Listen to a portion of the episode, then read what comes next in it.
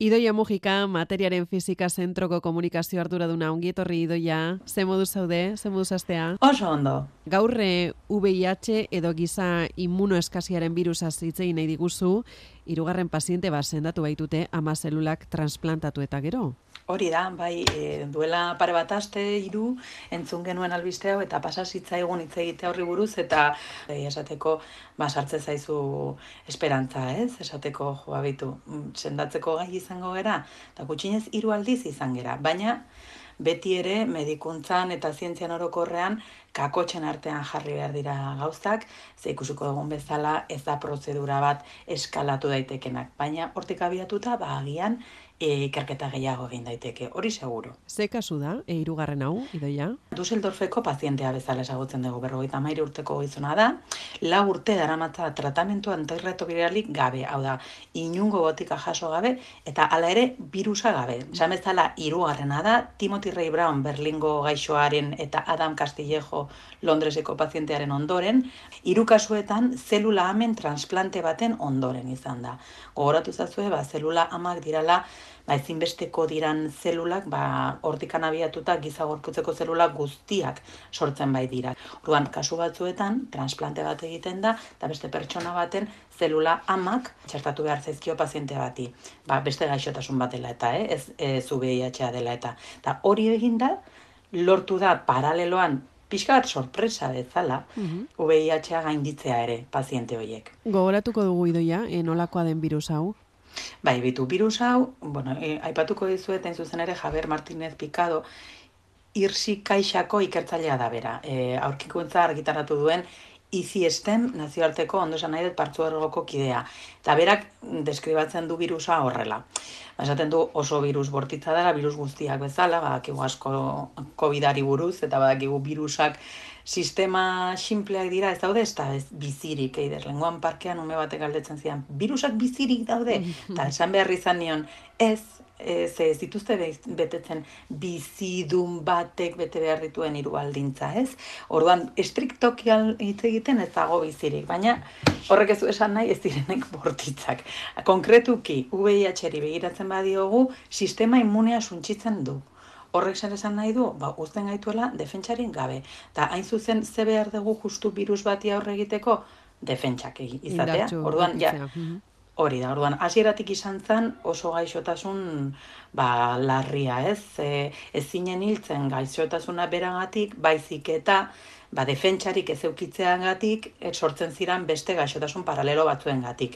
Gaina gainera, virus hau, gure zeluletan integratzen da, oda metatu egiten da, gelditzen da, hor sartuta. Askotan igualaitu dezue, izan zaitezkela VIH positibo, baina gaixotasuna ez eukitzea garatuta. Eta arrazoia hori da, ba, virus hau metatu egiten da, zeluletan gilitzen da hor naiz eta oraindik ez hasi masiboki atakatzen zure gorputza, baina horregon daiteke. Eta egonean, momenturen batean espresatu egingo da. Eta espresatzen danean, barazoak ematen ditu. Baina eske gaina oso azkar mutatzen da aldatu egiten da, ja gorputz barruan dagoenean.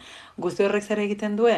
Ba, bueno, imaginatuko dezuen bezala, nola egingo dezu txerto espezifiko bat, ainazkan mutatzen den virus batentzat, hain ondo sartzen dana zeluletan gainera, eta justu sistema immunea suntzitzen badu. Horregatikan, ba, eh, gordailu birala esaten da dauzkagula VIH daukazunean, eta hain zaila da txerto batekin ba, aurre egitea virus hauei, ez? Orduan, ba, ikerlari honek esaten zuen bezala, hasieratik ba, zekiten virus hau gainditzea txerto batekin ez dala erresa izango. Ba, ari dira, e, saiatzen, baina bere zaugarriak direla eta oso zaila egiten du, egiten du gainditzea txarto batekin.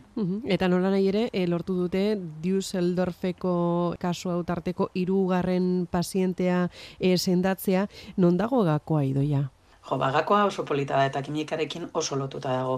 Hiru kasuetan konturatzen bagera bai Berlingo pazientea 2011an e, argitaratu zen, ba, mila beratzen dela rogeta bostean virus eragindako infekzioa diagnostikatu zioten, oda VIH zeukan, gizon honek, berlingoak, ama urte geroago, braunek leuzemia bat izan zuen ere. Orduan, saiatu ziren leuzema horri aurre egiten, eta azkenean, ba, zelula ama e, transplantea egin behar izan zioten. Baina zizkioten jarriz edo zelula ama, pixka bat mm, nahi gabe, baina bateragarria zan beste emaile baten ama zelulak hartu zituzten eta ama zelula horiek mutazio bat zeukaten. CCR bost genean hain zuzen ere.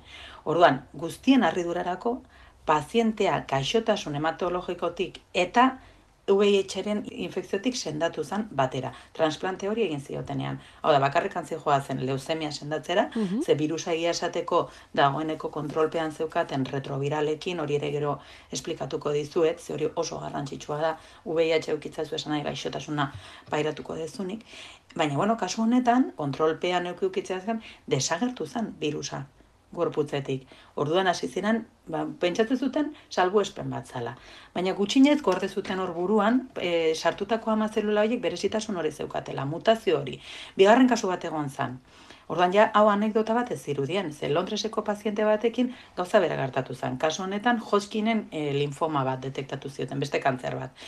Eta kantzer hori gainditzeko berriz ere aukera guztia, ba, kimioterapia, nik daki, nik zerraki ba, gauza guztiak saiatu eta gero azkenean, beste maila bat topatu zuten, eta e, muin transplantea egin behar izan zioten. Eta berriz ere, CCR5 mutazioa zeukala. Orduan, berriz ere paziente hau kastillejo ditzen dana, ba, post urte dana matza tratamentu antirretrovirali gabe eta virusi gabe. Orduan hor ja, besaten duzu, bi aldiz berdina, saia gaitezen hirugarren batez, zer? Ez? Eta e, hirugarrengo hau, orain e, justu albisteetan ikusi duguna da, Dusseldorfeko paziente hau, kasu berdina, berriz ere, bat diagnostikatzen diote VIH daukala, bueno, mm detektatzen diote, erretroviralekin kontrolpean dago, baina leutzemia bat dauka medio 2012tik aurrera.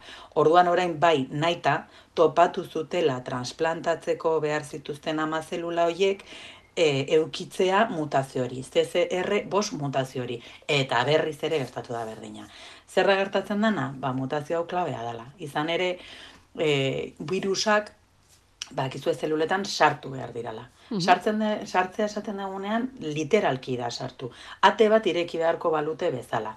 Ate horiek, e, irekitzeko giltza bat behar dezu. Pirusak dauzka giltza batzuk.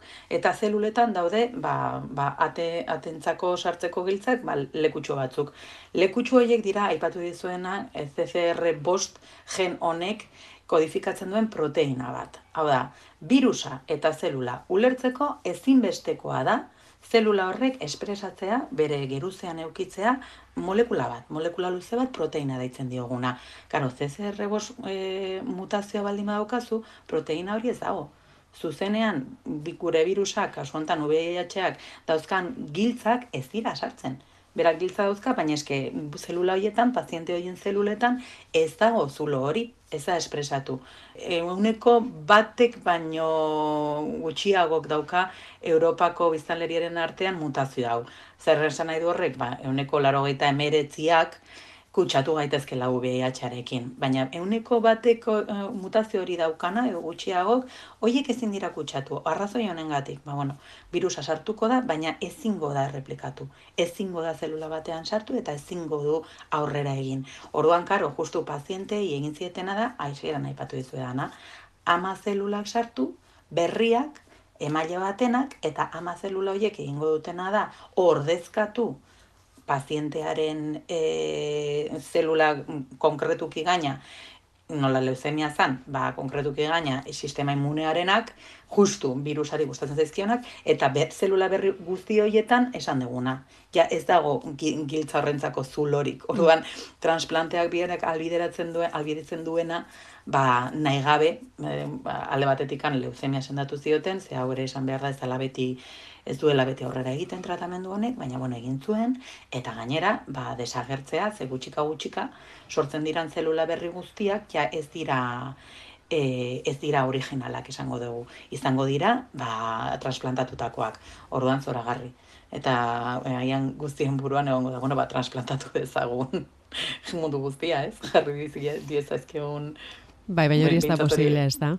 ez, ez da posible. Medikuntzaren aldetik oso argi daukate, azken finean oso agresiboa da tratamendu hau, e, ba, horrelako ebakuntza bat egitea eta horrelako tratamendu bat egitea, ba, algo mm. kalte asko izan ditzazke ez, teknika arriskutsua da.